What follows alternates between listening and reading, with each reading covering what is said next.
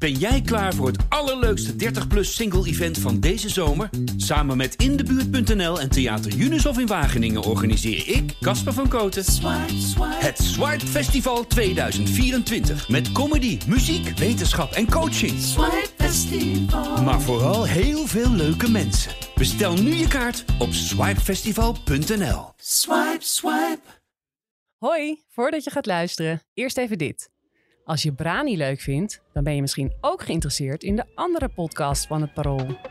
In Amsterdam Wereldstad praat ik, Lorianne van Gelder, iedere week met verslaggevers en experts over typisch Amsterdamse thema's. Hoe Amsterdam Noord ooit werd gebouwd als afvoerputje van de stad, waarom Amsterdammers moeten leren leven met ratten en hoe paradijsvogels uit de stad verdwijnen. Iedere dinsdagochtend hoor je een nieuwe aflevering op parool.nl. Dit programma wordt mede mogelijk gemaakt door Toto.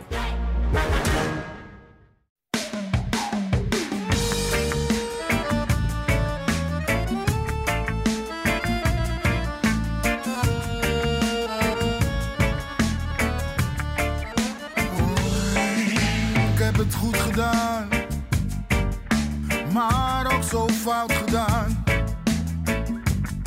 Als ik terugkijk in de tijd,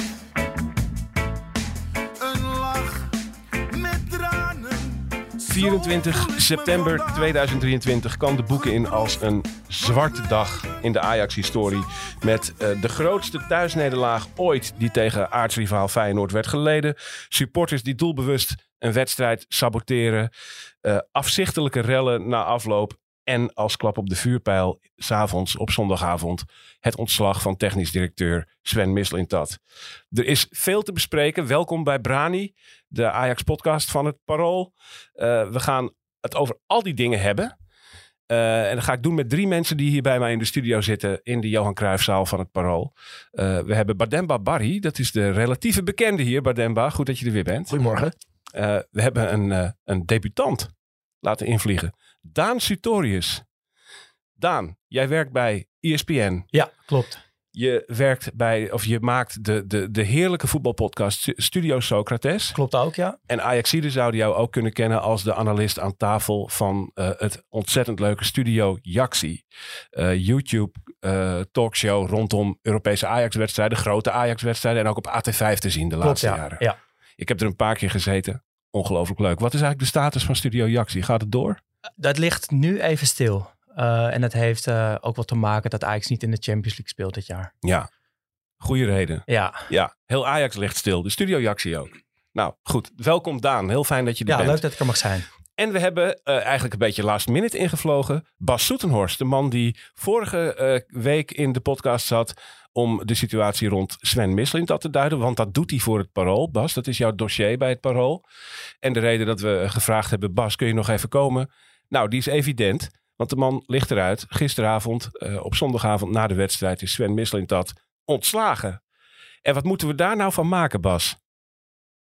Ja, kijk, dat er een, eh, een kop zou rollen na eh, deze wedstrijd is niet super verrassend, denk ik. En het voordeel van het offeren van Mislintat voor de Raad van Commissarissen is, al, al, al werd dat natuurlijk ontkend, dat je de, de, de angel haalt uit de onderzoeken naar de transfers. Eh, gevoelige kwestie waar tijdsdruk op zat, omdat Mislintat natuurlijk ook volwaardig moet kunnen functioneren als technisch directeur. En zolang die onderzoeken lopen of liepen, kon dat niet. Was dat gemankeerd? Ja. Uh, en, en, en nu is die tijdsdruk weg. Ik weet niet of de onderzoeken nog worden uitgevoerd. Maar de, ang de angel is eruit. Ja. Uh, en en door, al, alleen al door het besluit om die, die onderzoeken in te stellen, was Mislintat al een, een, een dead man walking geworden. Die, dat, dat was al niet meer houdbaar. Nee. En uh, ja, met, door deze wedstrijd als excuus aan te grijpen, uh, ben, je, ben je er vanaf. En, en hoef je niet, kijk, stel, stel dat uit die onderzoeken was gekomen, of, of, of komt, ik weet niet of ze worden afgerond, dat uh, Mislintat niets valt te verwijten, dan kan je dat, dan, dan zou Mislintat dat juridisch kunnen aangrijpen om een claim neer te leggen bij Ajax en of via de rechter geld te eisen. Uh, en uh, ja, dat hoeft niet meer nu. Want hij is ontslagen om een hele andere reden. Dus die, die, die, die, die, die weg is afgesneden voor hem. Ja. Als je het, persbericht erbij pakt dat Ajax gisteravond uitstuurde, dan komt daarin eh, Jan van Halst aan het woord, die als interim algemeen directeur werkt momenteel. En Die zegt dat het te maken had, het ontslag, met het ontbreken van een breed draagvlak. Dat is een heerlijke, eh, vage uitdrukking. Eh, en die zegt ook met nadruk, en dat is wel opvallend, dat het dus volledig los staat van dat onderzoek naar de Borna Sosa transfer. Nou ja, ik denk dat dat dus, ja, dat, dat, dat, dat lijkt me om juridische redenen heel verstandig. Ja. Want daarmee maak je het onmogelijk voor Mislintat, als dat onderzoek goed uitpakt, om bij de rechter eh, een schadeclaim in te dienen. Want dan zal Ajax zeggen, ja, je bent ontslagen omdat je, niet, eh, omdat je aankopen niet rendeerde en eh, er geen draagvlak was. En dat heeft helemaal niks te maken met eh ophef over die transfer van Sosa en eventueel anderen. Ja, Dus zo lijkt me dat heel verstandig dat Van Hals dat heeft gedaan. Alleen geloofwaardig vind ik het niet. het heeft er wel de, degelijk de mee te maken. was, de man was zwaar aangeslagen door wat er vorige week is gebeurd. En dan moeten we nu geloven dat het ontslag daar helemaal niks mee me- heeft te maken. Ja, dat, dat is niet geloofwaardig. Maar, Ja. maar eh, Ajax Feyenoord bood een, een stok om Mislintat mee te slaan. Te meer omdat hè, de eerste twee doelpunten vielen door een aankoop die, die, waar hij verantwoordelijk voor is. Dus daarmee, ja, daar, daarmee al, ja, er werd, werd, werd de RVC een buitenkans geboden als het ware. Ja. Daan, wat was jouw gevoel toen je dat nieuws hoorde gisteravond? Verbaasde het je? Ehm, nee, eigenlijk niet helemaal. Want volgens mij was het wel echt een onwerkbare situatie geworden. Vooral tussen Mislintat en Stijn ook. Eh, en dat Mislintat er dan uitgaat met nou, de uitleg die, die Bas net ook geeft, dat, dat snap ik eigenlijk wel. Eh, want Ve- Mislintat Stijn, dat- die vete werd ook een beetje over de rug van de club uitgevochten. En dat kan nooit de bedoeling zijn volgens mij. Leg dat eens uit. eh, Dat, eh, Nou, ik had het idee dat Stijn zijn eigen lijf probeerde te redden met, met bepaalde wissels. En ook wel met eh, nou ja, Vos in de basis. In een eerdere stadium, ja, met, al die aankopen proberen, werkte het niet één wedstrijd. Nou, volgende aankoop erin, werkt die niet, volgende erin. En ik had nou niet het idee dat dat nou per se in belang van Ajax was, wat daar allemaal gebeurde. ja, ja. En dat vind ik wel heel kwalijk. Bademba? Ja, ik moet zeggen dat ik. eh, blij is een groot woord. Maar ik vond het wel de juiste beslissing vanuit Ajax. Ehm, en dat is omdat. Dat staat voor mij persoonlijk ook volledig los van de hele potentiële Sosa-affaire. Maar dat heeft er mijn inziens mee te maken dat Mislintat eindverantwoordelijk is voor het technische beleid bij Ajax. Mislintat is degene die Stijn binnengehaald heeft als presenteerde als, als overperformer. Daar bleek weinig van waar. Eh Mislintat heeft vervolgens een hele hoop spelers verkocht bij Ajax, eh, laten gaan bij Ajax. Daar een hele hoop spelers voor terug in de plaats gehaald. En ruim 100 miljoen uitgegeven zonder een rechtsbuiten te hebben, überhaupt in de selectie. En eigenlijk maar met één nummer 10, dat is Berghuis. Eh, en ja, ook over Berghuis zijn de laatste eh, weken kritische noten gevallen. En terecht in mijn ogen. Dus hij laat Ajax achter met een ongebalanceerde selectie. Ehm, in de laatste dagen van de transfermarkt zijn er nog spelers bijgehaald op posities die in ieder geval qua poppetjes al redelijk bezet waren, los van de kwaliteit daar. En ja, ik vind zo'n eh, zo'n Vos, vind ik daar ook een voorbeeld van. Stijn, dat leg ik in die zin ook bij hem, gaf aan eh, op een persconferentie nog tijdens de transfermarkt dat hij Vos nog niet klaar vond voor Ajax 1. Eind augustus was dat, ja. Ja, dan wordt een manswerk wordt op de laatste dag eh, voor zijn positie gehaald. Die jongen die speelt 45 minuten, komt daarna niet meer in het stuk voor. En Vos komt erin en die speelt eigenlijk een fantastische tweede helft tegen Marseille. En was ook tegen Feyenoord een van de lichtpuntjes. Ja. Ehm, en daar wordt dan door een Mislintat wel geld aan uitgegeven. Het zijn met of zonder input van Stijn. En voor een rechtsbuiten of voor een nummer 10 eh, wordt niks neergelegd. Die komt niet. Dus in die zin, ja, technisch beleid bij Ajax heeft gefaald. Dat is mijns inziens grotendeels de reden dat het sportief nu zo slecht loopt. Technische redenen. Ja, en daar is misschien dat eindverantwoordelijk voor. En dat is in mijn ogen genoeg reden om een ontslag te rechtvaardigen. Dat, ik, ja, oké. Dat Ik geloof het zelf helemaal niet dat dit iets te maken heeft met, met, eh, met, met spelers, eerlijk gezegd, met, de- met aankoopbeleid. Tenminste, als je de vraag stelt, eh, waarom is nou op 24 september, eh, s s'avonds na een wedstrijd op zondag, ineens Sven Mislintat ontslagen. Wel, Ik denk dat je, eh, dat je eh, normaal gesproken ga je niet 23 dagen na het sluiten van de transfermarkt je technisch directeur ontslaan. Dat is niet een man die je zo snel ontslaat. Eh, dat zul je normaal gesproken niet doen.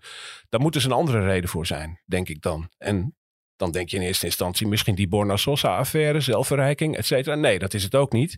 Jan van Hals zegt uitdrukkelijk dat het dat niet is. En het kan ook niet, want Pier Eringa kondigde aan dat dat onderzoek nog weken, misschien wel maanden gaat duren. Dus het moet nog iets anders zijn. En dan zijn er wat mij betreft, als ik even logisch probeer te denken, maar twee redenen over die het kunnen zijn. De eerste is dat er acuut een onwerkbare situatie op de werkvloer ontstaan is. Dat het niet meer te houden was, met name tussen Stijn en Mislintat. En dat er symboolpolitiek bedreven wordt. Waarbij eh, mensen ook een beetje proberen een statement te maken om hun eigen hachje te redden. En ik denk dat van die twee zaken sprake is. Als je mij persoonlijk het zou vragen hoe het in elkaar steekt. Als uw presentator daar ook een duit in het zakje mag doen. Bas, eh, eh, kun jij daar eens op reageren? Nou ja, ik denk dat zeker dat laatste element eh, een rol speelt. Want het is onwaarschijnlijk dat, dat met het vertrek van Mislintat we de laatste leidinggevende hebben zien gaan. Vanwege de crisis die, die nu speelt. Ja. En eh, ja, je kan erover twisten wie er nog meer moeten gaan.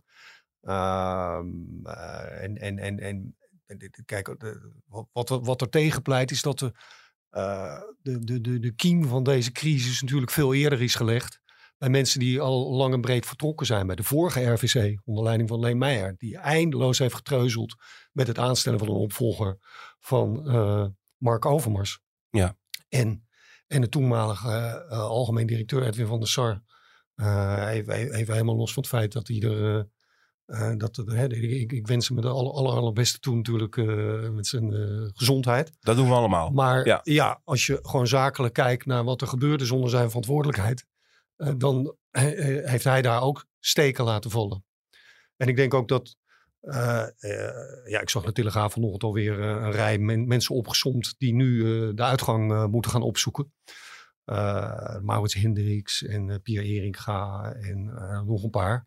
Maar je Jan kan, van Halst werd daar ook Ja, genoemd in het rijtje. Ja, ja. maar je, je, kan een, je kan een club natuurlijk niet besturen met het ontslaan van mensen. Dat is geen beleid. nee. Hè, dat moet, en ik, ik denk wel dat de, het idee dat Alex Kroes als algemeen directeur in maart van eh 2024 gaat aantreden, omdat hij, omdat hij dat zo heeft afgesproken met AZ.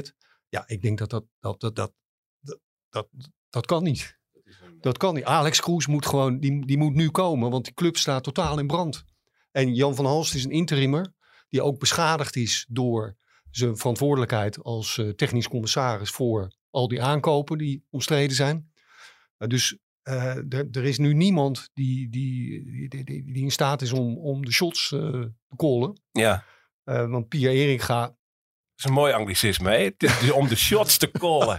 Ja. nee, maar Alex Groes moet gewoon komen. En snel. Ja, ja. ja dat, dat hebben we in de vorige podcast waar jij ook aan tafel zat, hebben we dat ook ge- geconstateerd. Dat het heel goed zou zijn als Alex Cruz eerder begint. Eh, weet jij eigenlijk of dat, eh, of dat gebruikelijk is? Dat er zo'n eh, concurrentiebeding wordt afgekocht? Of dat daar alsnog over gepraat wordt of het niet kan vervallen? Gebeurt dat vaker? Nou ja, volgens mij is het ongebruikelijk dat een concurrentiebeding ertoe leidt dat iemand echt een jaar later gaat beginnen. Of in dit geval zijn, zijn het eh, een x aantal maanden later. Ja, Want dat wordt gewoon geregeld. oké. En eh, wat, wat ik Dus de ervan huidige begreep... situatie dat die pas in maart begint, die is ongebruikelijk. Ja, Ja, ja. ja. En, en, en dat moet toch met geld eh, te zijn op, op, op te lossen.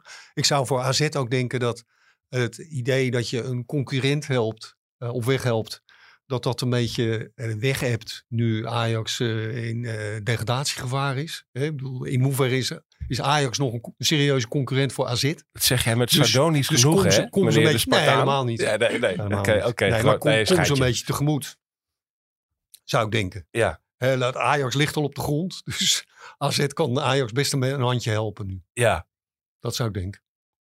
Kijk, dat zou de vervolgstap eh, kunnen zijn. En eh, het is eh, niet uitgesloten, nu de RVC heeft besloten een directeur weg te sturen, dat de bestuursraad van Ajax over de RVC gaat nadenken. Dat zou een, een het laatste is daar vast nog niet over gezegd. En de, laatste kop zal het ook niet zijn die in dit, deze crisis gaat rollen. Hey, laten we eens een heel klein beetje naar die wedstrijd gaan kijken van gisteren. Want er werd ook nog gevoetbald. Hoewel, ook weer niet in veel opzichten.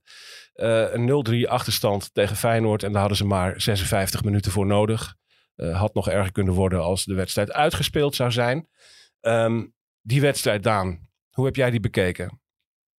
Ehm, nou ja, kijk, die eerste tien minuten, die ogen nog best oké. Eh, ik vond dat Arne Slot daar na afloop wel wat zinnigs over zei. Dat de eerste tien minuten van een wedstrijd, dan wordt er aan beide kanten vol druk gezet. Dan, dan is het een beetje ja, een, wilde wedstrijd, om het zo maar even te zeggen. En als die stofwolken dan zijn neergedaald na tien minuten, dan kan je eigenlijk pas goed zien ja, wie, wie de betere ploeg is. Eh, en ik denk dat je vanaf dat moment zag dat Feyenoord een goed georganiseerd elftal is en Ajax niet.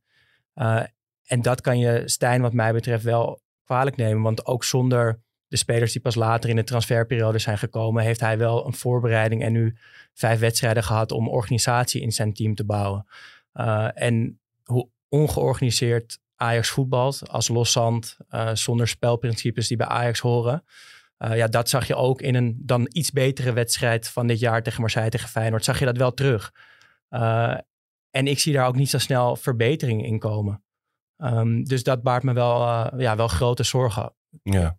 Ik weet niet of Stijn wat dat betreft de, goede, de goede man voor Ajax is. Ik vind het een pragmaticus en ik vind het geen trainer die spelers beter maakt en die een elftal beter maakt. Hij kan op korte termijn best aardig presteren, maar ik vind het niet iemand die uh, nou ja, een team in opbouw de, ja, de handvatten geeft om beter te worden. Ja. En in visie uh, Precies. werkelijk iets toe te voegen heeft.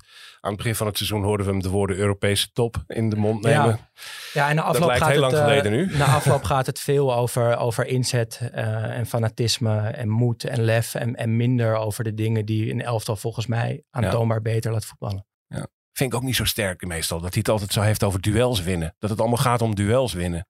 Dan denk je, het is, we zijn de graafschap niet. Maar Bademba, uh, wat, wat hecht jij voor waarde aan die openingsfase van Ajax die, die, die, er, die er goed uitzag? Uh, ga jij mee in uh, wat Daan zegt en wat Arne Slot zei, dat dat allemaal tamelijk waardeloos is? Of valt daar toch nog iets uit te halen? Um, ja, ik, helemaal waardeloos vind ik het niet. Uh, omdat zeker het hoge druk zetten en ja, toch een beetje de felheid waar, ik weet niet of Stijn daar helemaal op doelde, um, maar die je wel miste bij Ajax de afgelopen weken. Um, met de potten tegen uh, Marseille en tegen Twente, denk ik als schijnende voorbeelden daarvan. Waarin er eigenlijk helemaal geen organisatie was. Waarin er zeker um, op de helft van de tegenstander nauwelijks druk op de bal was. Ja, dat zag je wel terug. En dat vond ik in die zin bemoedigend om te zien. Uh, alleen denk ik wel, um, vrees ik wel, dat Stijn ja, de boel niet dusdanig op de rit gaat krijgen bij Ajax. Dat hij hier een, een echt Ajax-team van gaat maken. Een Ajax zoals je dat graag wil zien. Dus ja, ik, ik vind de eerste tien minuten nogmaals niet volledig waardeloos. Maar ik vind ze ook niet zo hoopgevend dat ik zeg... oh, er is nu... begint zich een soort van hand van Stijn uh, uh, te ontwikkelen... Uh, waaruit op termijn een, een goed voetballend geheel gaat ontstaan. Oké. Dus de hand van Stijn zien we niet. Zien we wel dat Ajax toch uh, stapjes maakt in de zin van dat het langzaam maar zeker een beetje aan het voetballen komt? Nou, het, het valt wel iets meer in elkaar qua, qua opstellingen en qua posities. Uh, en kijk, dat Stijn daar nog zoeken in is, dat, dat snap ik wel. Dus ik, het, het, zal vast nog wel iets beter worden dan wat het is. Alleen ik denk als je in, in, in de grote lijnen kijkt en op de wat langere termijn kijkt ja, dat het niet het Ajax-niveau is wat we de afgelopen jaren gewend zijn. Uh, dat is ook niet erg, nu met het begin van Stijn. Maar ik zie dat ook niet gebeuren. En dan, uh, ja, dan is het misschien wel beter om ook daarin, wat mij betreft, een harde beslissing te nemen. Oké. Okay. Okay. Ja, wat, ik, wat ik zelf niet hoopvol vind, is hoe hij uh, na de wedstrijden omgaat met zijn eigen spelers. gisteren ook weer, dat op vragen hoe dit nou allemaal kon, hij had, had hij daar ook voor kunnen kiezen om pontificaal voor die Deense jongen te gaan staan. Ik weet zijn naam niet eens. Guy. Okay. Anton Guy. Guy. Maar die, die, die, die knul is 20 ja. en uh, die heeft niet zelf bepaald dat hij in de basis zou gaan staan tegen Feyenoord. Uh, en moeten vervolgens een half uur uit, en beschimpt en, en uitgelachen en uitgefloten. Uh, en en zo'n knul, uh, ja, de, de vraag is of, of je die nog aan het voetballen krijgt bij Ajax. En dat is ook iets waar Mooie Stijn heeft hem in de basis gezet. Die heeft ervoor gekozen om daar niet Rens neer te zetten. Die gewoon een, een zekerheidje was geweest. Ja. Uh, en, en ja, die, die heeft ook verantwoordelijkheid voor de carrière van de jongen. En, en, en ik denk dat ze dat in de kleedkamer ook vernemen hoe, hoe de coach met hun omgaat. En als hij dan alleen maar zegt, ja, als je zulke beginnersfouten maakt, daar is niet tegen op te coachen. Hè? Dat is een beetje wat hij. Ja. Dat was een boodschap. Is vrij zinloos verwijt aan iemand die een beginner ja, is. Dan legt hij, de schuld, legt hij de schuld bij, niet, niet bij zichzelf. En hij had gewoon de verantwoordelijkheid moeten nemen. En, ja. En verder vond ik hoe hij dan bij met Joep Schreuder, die wat, wat, wat zuigende vragen had. Na afloop van, ging niet helemaal lekker Maurice. dat zijn natuurlijk rottige vragen. Ja. Maar ja, daar, daar moet je als coach ook tegen bestand zijn. En eh, ja, daar zie je dus de druk van een topclub waar Stijn nog niet uh, aan gewend was. En uh, nog niet aan gewend is. Ja, dat, dat, dat stemt niet heel erg hoopvol voor, voor de toekomst. Nee. Maar Nee. ik denk nog los van, van druk, waar je wel of niet tegen bestand bent. Je kunt wel een, als je een visie hebt als trainer, als je eh, eh, tactisch eh, plan hebt als trainer, dan mag je verwachten dat je dat eind september eh, toch een beetje begint te zien. En dat is gewoon veel te weinig te zien. In ieder geval in basale eh, zekerheden in een elftal. Ja. Eh, dat, dat er nog niet zoiets is als een hand van Stijn. En een, dat, dat, dat kun je dan eventueel nog goed praten. Maar basale zekerheden mogen er langzamerhand wel een klein beetje zijn. En Ja. kijk, die, die eerste twee goals het zijn grotendeels individuele fouten. Zeker de 0-2 eh, wordt natuurlijk gewoon op een presenteerblaadje gegeven aan Jiménez. Ja. Maar zoals zo'n 0-3 valt, zoals nou, de organisatie of eigenlijk het gebrek aan organisatie te zien is op het veld bij de 0-3, bij een counter dat het ineens 4-5 tegen 1 is, ja, dat is schrikbarend. Dat is echt schrikbarend. En daarin kun je naar niemand anders wijzen dan naar de trainer. Is dat zo, Daan? Nou, Stijn gaf na afloop aan dat de, dat de afspraken duidelijk zijn en dat die niet zijn nagekomen. En ik, ik kan me. Kijk, hij zal niet voor de wedstrijd hebben gezegd: we gaan met negen man in de, in de 16 staan als een corner wegvalt. Dus Nee. ik vind dat daar de spelers ook echt wel wat te verwijten valt. Ehm, en kijk, de spelersgroep, ik vond dat Bademba dat aan het begin goed zei, die is ook echt in disbalans. Want de belangrijkste posities ten opzichte van vorig jaar, die, ja, Kudus weg, Timber weg, eh Edson Alvarez weg. Nou ja, voor Timber is dan waarschijnlijk Soetalo een goede vervanger gehaald. Eh, maar voor Alvarez en, en Kudus eigenlijk niet echt. Dus die bovenkant van de selectie, de dragende spelers die er elk jaar geweest zijn, die zijn er nu ook niet. Eh, en dat, dat lijkt me voor Stijn wel moeilijk werken. Van wie, wie moet dat in het veld? Wie, ja, wat is nou de bovenkant van de Ajax-selectie? Wie, moet die, ja, wie moet die nieuwe spelers aan de hand nemen? Ja. Eh, dat, dat vind ik ook een moeilijke vraag. En ik denk dat je dat veel terugziet ook wel op het veld. Van, van een Tadic of een Blind of, of een Timber die, nou, die vroeger ook in het veld zonder eh, hulp van de trainer iets, iets kon veranderen of iets, iets ja, beter neer kon zetten, mannen bij de hand kon nemen. Dat mist ook in deze selectie heel erg. En ik denk dat je dat eh, samen met het tactisch onvermogen van Stijn wel veel terugziet eh, aan het begin van het seizoen. Ja. Eigenlijk een leiderschapscrisis in alle geledingen. Ja, wel Buiten echt, het hoor. veld Ja. en binnen het veld. Ja, Niemand die opstaat en de zaak bij de hand kan nemen. En dat stemt niet heel hoopvol. nee. Nee. Is, er, is er eigenlijk na de 0-1 van Feyenoord, wat natuurlijk een, een doffe dreun was, toch een beetje de, eh, nou ja, eigenlijk de eerste keer dat Feyenoord eruit breekt. De eerste kans die ze creëren, die ligt er meteen in. Ehm, door eh, niet al te kordaat ingrijpen van onze Deense rechtsachter. Eh, heeft Ajax daarna nog iets laten zien eigenlijk? Of is het toen compleet ingestort wat jou betreft meteen? Ehm, nee, ik vind eigenlijk niet dat het compleet is ingestort. Want ook daarna heeft Ajax echt nog wel wat gevaarlijke momenten gehad. Ik denk dat het na de 0-2 wel echt klaar was. Ja. Eh, dat ga je tegen Feyenoord niet meer goed maken. En ook de manier waarop zo'n zo'n doelpunt valt. Ja, dat is gewoon een, een knak voor Ajax. En in deze fase snap ik dat eerlijk gezegd ook wel eh, heel goed. Dat je dan mentaal eh, er doorheen zit. Dat je dat niet meer goed gaat maken. Ik hoopte, dat ze de, ik hoopte zo vanaf de tribune dat ze die, die jonge guy, dat ze die Ja. een beetje opgevangen hebben. En een beetje dat er iemand met hem meegelopen is naar binnen toen hij gewisseld werd. En hem eventjes eh, een, een soort, zoals David Ent dat vroeger deed als teammanager. Even met hem daar gaan zitten en hem niet in zijn eentje laten lopen. Want die zal er flink doorheen zitten. Ja, en ik, volgens mij liep de verzorger van Ajax met hem mee. Ja, Eh, maar dat, ja, dat is geen David Ent eh, wat dat betreft. jongen, jongen. Ja. Ja. dat is hard, hard gelach hoor. En ook, hij liep rechtstreeks de, de spelerstunnel in. Uh, Ja. Hij rende bijna het veld af. Ja, maar was- gaf hem nog een, nog een tikje mee. Ja, Ja, ja maar ook niet... eh, positief. ja, het, eh, het, het was een hele pijnlijke aftocht voor een, eh, voor een ontzettend jonge jongen. Ehm, dan hebben we die, eh, eh, die momenten waardoor de wedstrijd uiteindelijk gestaakt is, Bademba. Eh, was je in het stadion eigenlijk? Die Ja. was erbij. Ik ook, ja. Het, het bekertje was aan mijn kant, zeg maar. Links van mij zo, eh, in de hoek. In de eerste helft, daar zagen we ook een, eh, een man gearresteerd worden of afgevoerd worden. die, dat, die dat had gegooid. Daarna was het eigenlijk wel duidelijk dat die wedstrijd het einde niet zou halen. Hè? Ja, dat, dat voelde je wel een beetje aankomen. Ik moet zeggen dat het. Ik zat zelf op, op vak 423. Dat is zeg maar de, de lange zijde totaal aan de andere kant eh, van waar de, de beker gegooid werd. Ja. En ook omdat er niks in het stadion werd omgeroepen, was het voor ons eigenlijk heel lang onduidelijk wat er nou precies aan de hand was. Want we hadden wel vermoedens, maar ook omdat de spelers nog op het veld stonden, Klopt. Er werd niks gezegd. er werd ook. niks omgeroepen. Ehm, dus ja, voor ons was het op dat moment nog een beetje speculeren. Op een gegeven moment werd duidelijk dat het om een bekertje ging, dat we weer gingen voetballen. Eh, en ja, zeker als er na de 0-3 massaal vuurwerk op het veld gegooid wordt, dan weet je eigenlijk wel hoe laat het is. En dan moet ik zeggen dat ik het eigenlijk nog verrassend vond dat de wedstrijd het tot de 56e minuut haalde. Want ik had eigenlijk verwacht dat ze vanaf de aftrap meteen weer zouden gooien. Ja. ja, nog los van het feit dat je de eerste worp fakkels al de tweede, het tweede incident was. En dus reden had kunnen zijn om eh, de zaak volledig stil te leggen. Ehm, nu is er, zijn er problemen gerezen over de vraag wat er nu moet gebeuren met die wedstrijd. Wat zijn daar de, de, de reglementen voor? Het probleem is dat eh, er op korte termijn geen gelegenheid is om hem in te halen. Eh, dat zou eigenlijk pas op, eh, op 1 november kunnen. En dan hebben we het trouwens niet over inhalen, maar over uitspelen zonder publiek natuurlijk. Zoals dat tot nu toe altijd gaat. Ehm, eh, zijn daar ook andere opties voor dat jullie weten?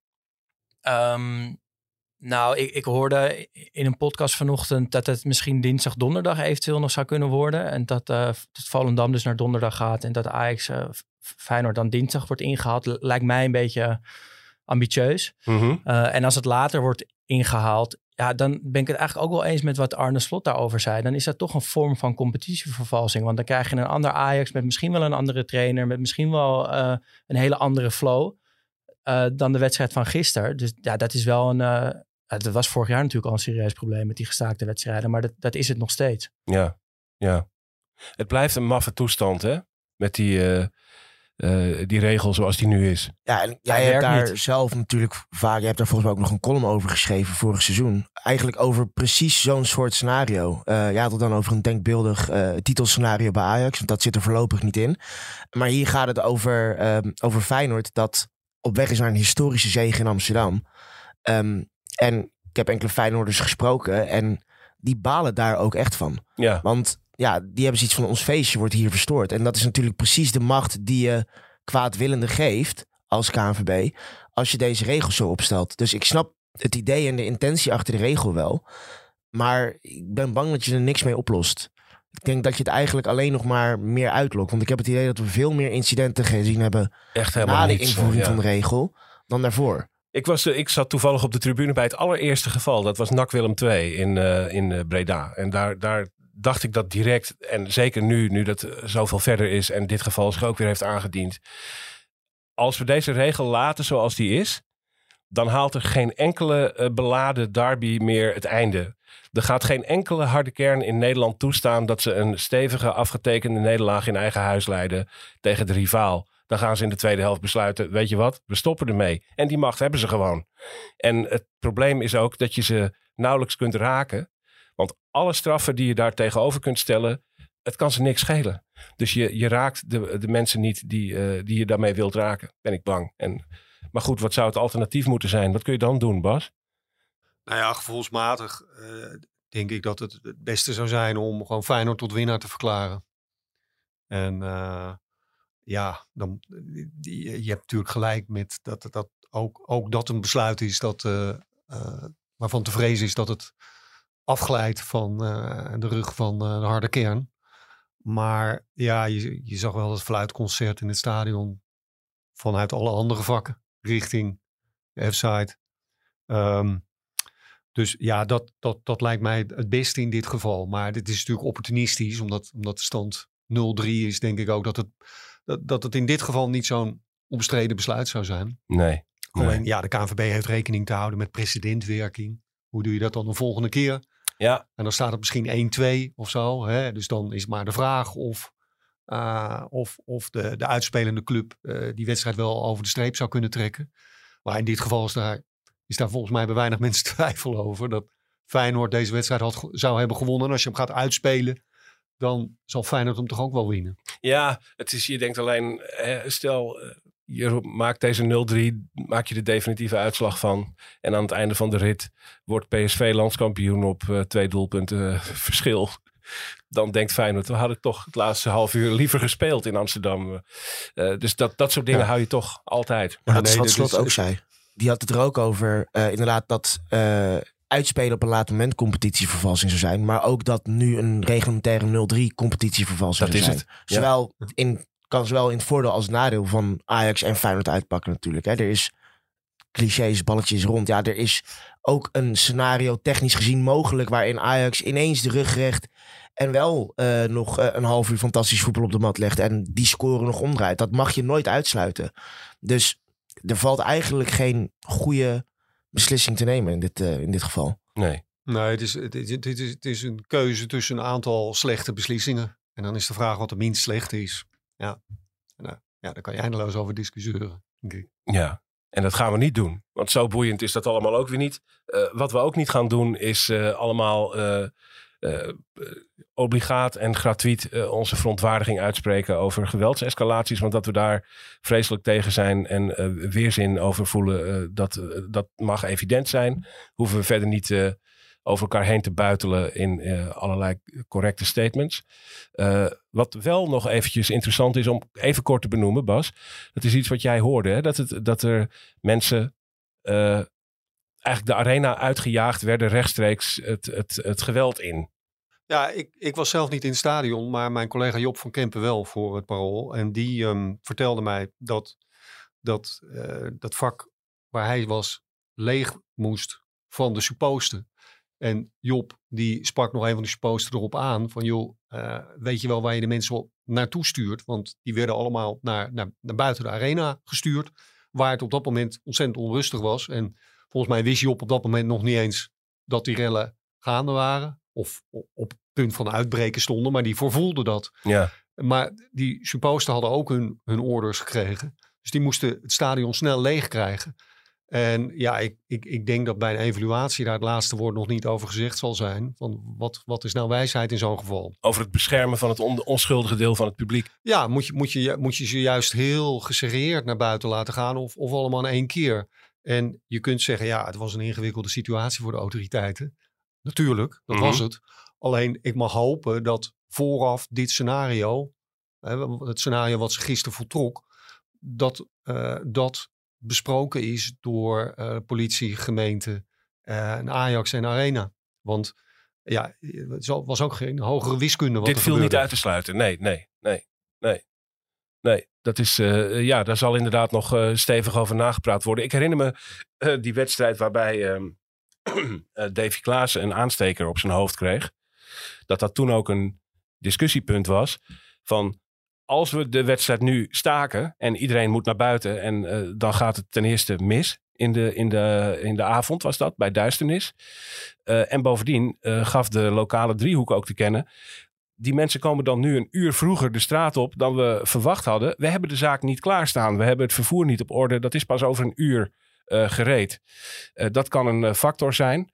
En daarom was het frappant dat gisteren na de eerste worpfakkels, wat in feite al het tweede incident was, is doorgespeeld. En dat het na het derde incident met de tweede worpfakkels pas is gestaakt. Want toen was het kwart over vier. Dat was het moment waarop normaal gesproken de wedstrijd afgelopen was geweest. Dus dat was ook het moment waarop misschien de lokale driehoek klaar was om de zaak op te vangen. Ehm, allemaal gedachten eh, die eh, zouden kunnen meespelen. Daan, hoe nu verder met Ajax? Ehm, Wat gaan we doen in godsnaam? Ja, nou ja, ik denk dat je het misschien wel een beetje tussen de regels bij mij al hebt, hebt kunnen horen. Maar ik ben eigenlijk toch wel echt voorstander van een, uh, een andere trainer voor de groep. Ik denk dat Ajax dat nodig heeft. Uh, dus wat, me, wat mij betreft is, is dat de weg voorwaarts. En mocht dat nog niet gebeuren op korte termijn, dan zou ik heel graag wat meer vastigheid willen zien in de opstelling ook. Ja, dus want dat, dat, is misschien interessanter. Ja, dat is interessant. Of, of Stijn ja. moet, dat gaan wij niet over. Nee, maar dat, dat hij dus iets, iets vaster kiest voor een aantal spelers op bepaalde posities en dat hij daarmee gaat bouwen. Ja. Uh, en wie dat dan zijn, dat, dat is aan Stijn. Maar ik denk dat, dat, dat deze ploeg dat wel nodig heeft. Iets meer vastigheid, iets meer betrouwbaarheid. Uh, en om, ja, op die Bedoel manier... je dan ook behoudender spelen? De zaak dichttimmeren en van daaruit... Nou, uh, Stijn is heel duidelijk dat hij niet gaat afstappen van 4-3-3. Als ik hem zo hoor in zijn persconferenties. Dus ik verwacht ook niet dat hij dat nu opeens wel gaat doen. Je zou wel met ja, een, een dubbele 6 wat meer kunnen spelen. En wat meer, ik zag dat tegen Marseille in het begin op eigen helft de tegenstander opvangen. Iets meer terug, uh, teruggetrokken spelen. Nou, dat lijken me best zinnige dingen om te doen uh, in, in, uh, in deze positie.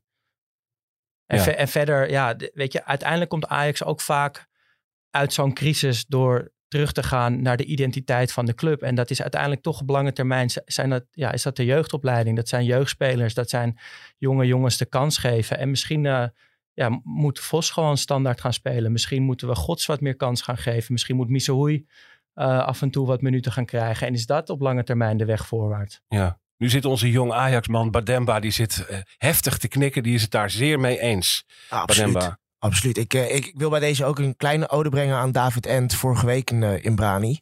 want zijn betoog over de jeugd en, en de kansen voor de jeugd. Want het ging toen heel erg over het juichen van Nadji Univar. Uh, daar wil ik me echt volledig bij aansluiten. Um, en ik was ook heel blij om te zien dat bijvoorbeeld uh, Gabriel Misehoy tegen uh, FC Twente bij de selectie zat.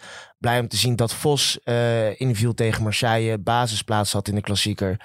Dat is inderdaad waar je op voort moet borduren. Ik heb vorig seizoen ehm, voor mezelf al geroepen dat de grootste fout die je eigenlijk kunt maken als Ajax een herhaling van de zomer van 2022 is. Waarbij je een hele rit spelers laat gaan en daar een hele rit nieuwe spelers voor in de plaats haalt. Waarbij je eigenlijk te weinig oog hebt voor wat je al rond hebt lopen op die posities.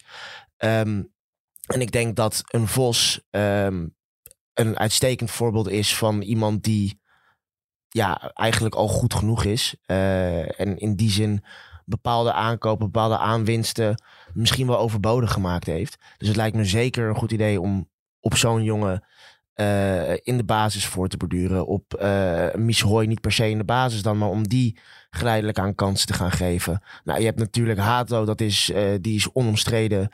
Die is zo'n beetje de enige bij Ajax die nog wel enigszins niveau aantikt dit seizoen. Um, en zo zijn er meer spelers waarvan ik het idee heb, ja, die zitten er echt wel aan te komen. Ik, vind Saladin, ja, die is hevig bekritiseerd dit seizoen. En terecht. Maar dat vind ik in potentie ook echt een absolute uh, aanwinst voor Ajax 1. Dus van hem was ik in die zin ook blij dat Stijn hem de kans gaf en minuten gaf. En of je hem meteen in de basis moet zetten, daar kun je over twisten. Maar ik denk wel dat het een goed idee is om ook hem bij de selectie te houden. Ook hem zijn minuten te blijven geven. Want er loopt bij Ajax in de jeugdopleiding echt wel heel veel talent rond het is de beste jeugdopleiding van Nederland. En dat valt misschien niet altijd af te lezen aan de resultaten die een jong Ajax behaalt. Of die een Ajax onder 18 behaalt. Maar ja, we zouden er denk ik als Ajax goed aan doen om niet uit het oog te verliezen wat we al binnen de club hebben. Bouwen op de jeugd. Dat is het advies dat Ajax bij deze uh, meekrijgt. Laten we even af, afsluiten met Sven Misseling dat toch weer. Daar even op terugkomen. Um, die, dat hij de geschiedenis in zal gaan als een mislukte technisch directeur is, is helder. Dat is op deze manier uh, uh, 23 dagen na de sluiten van de transfermarkt is het, uh, is het verhaal voorbij. Nou, dan is het een heel kort verhaal geweest. En eigenlijk per definitie geen goed verhaal. Heeft de man ook nuttige dingen gedaan voor Ajax, Bas? Oei, die zag ik niet aankomen, Menno. Je mag hem ook doorspelen.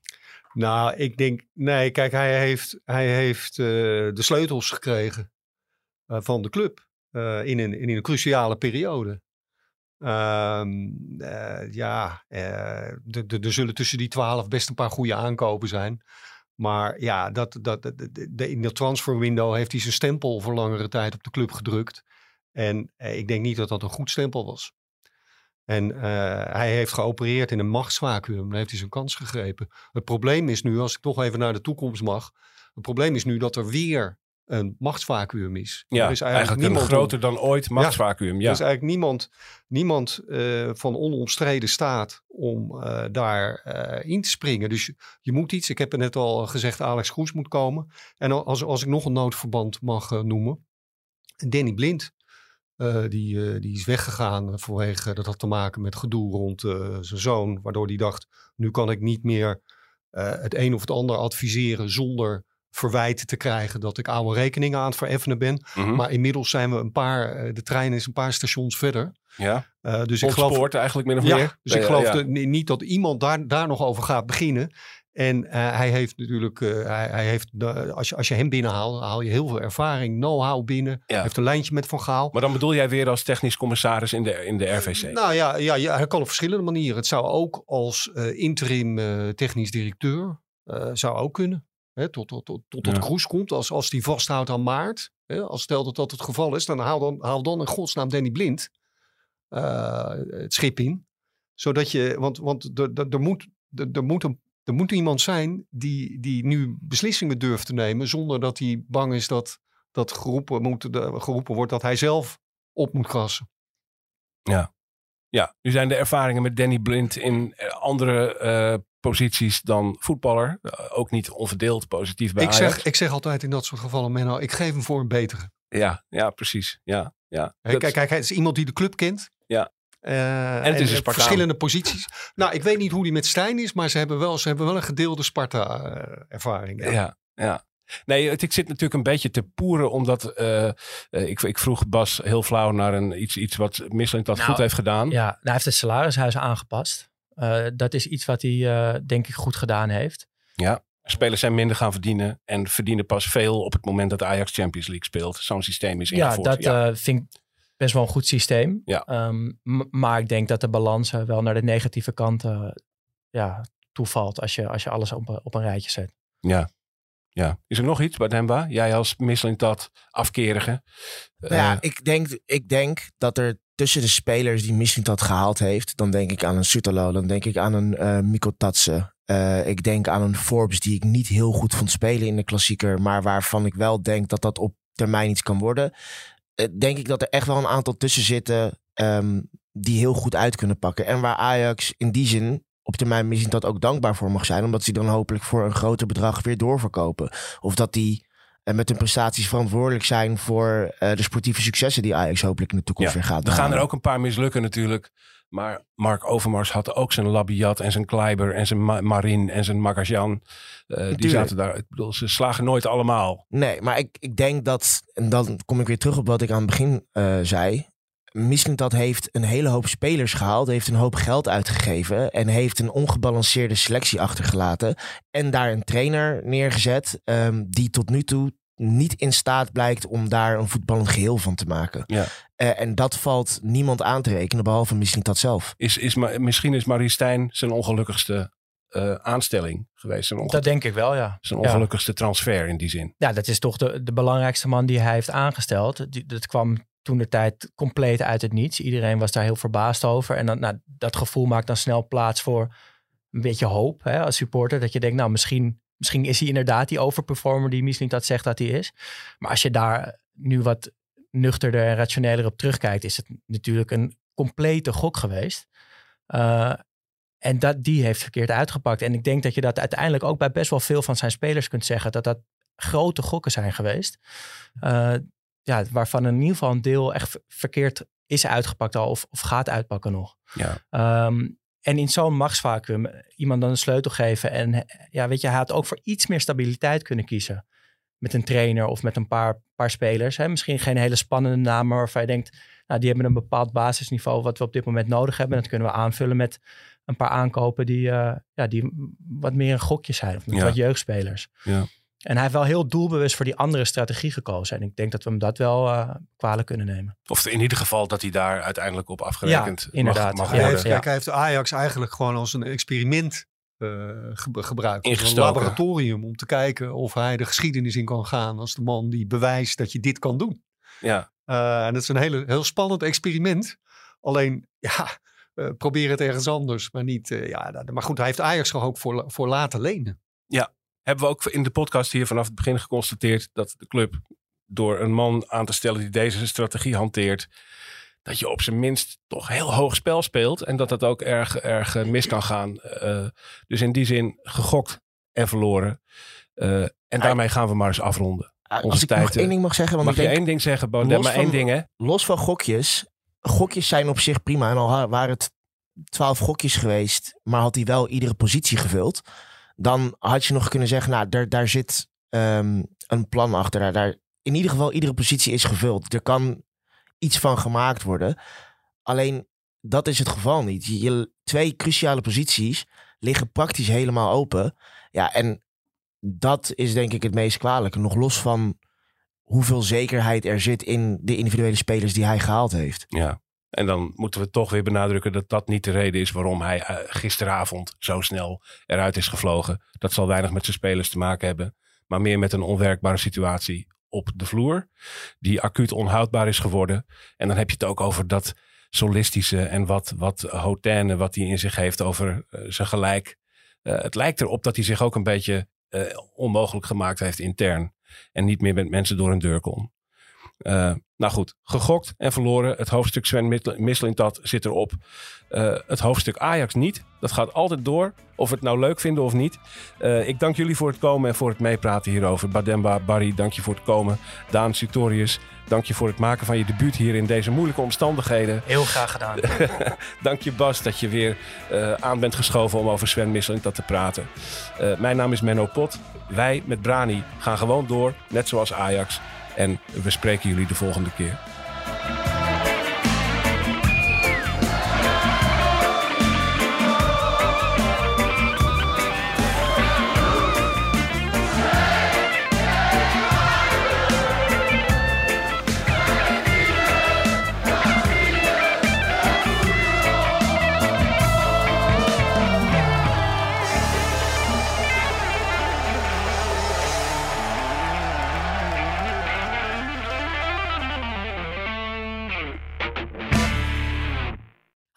Ik ben Camilla Leupen, hoofdredacteur van Het Parool.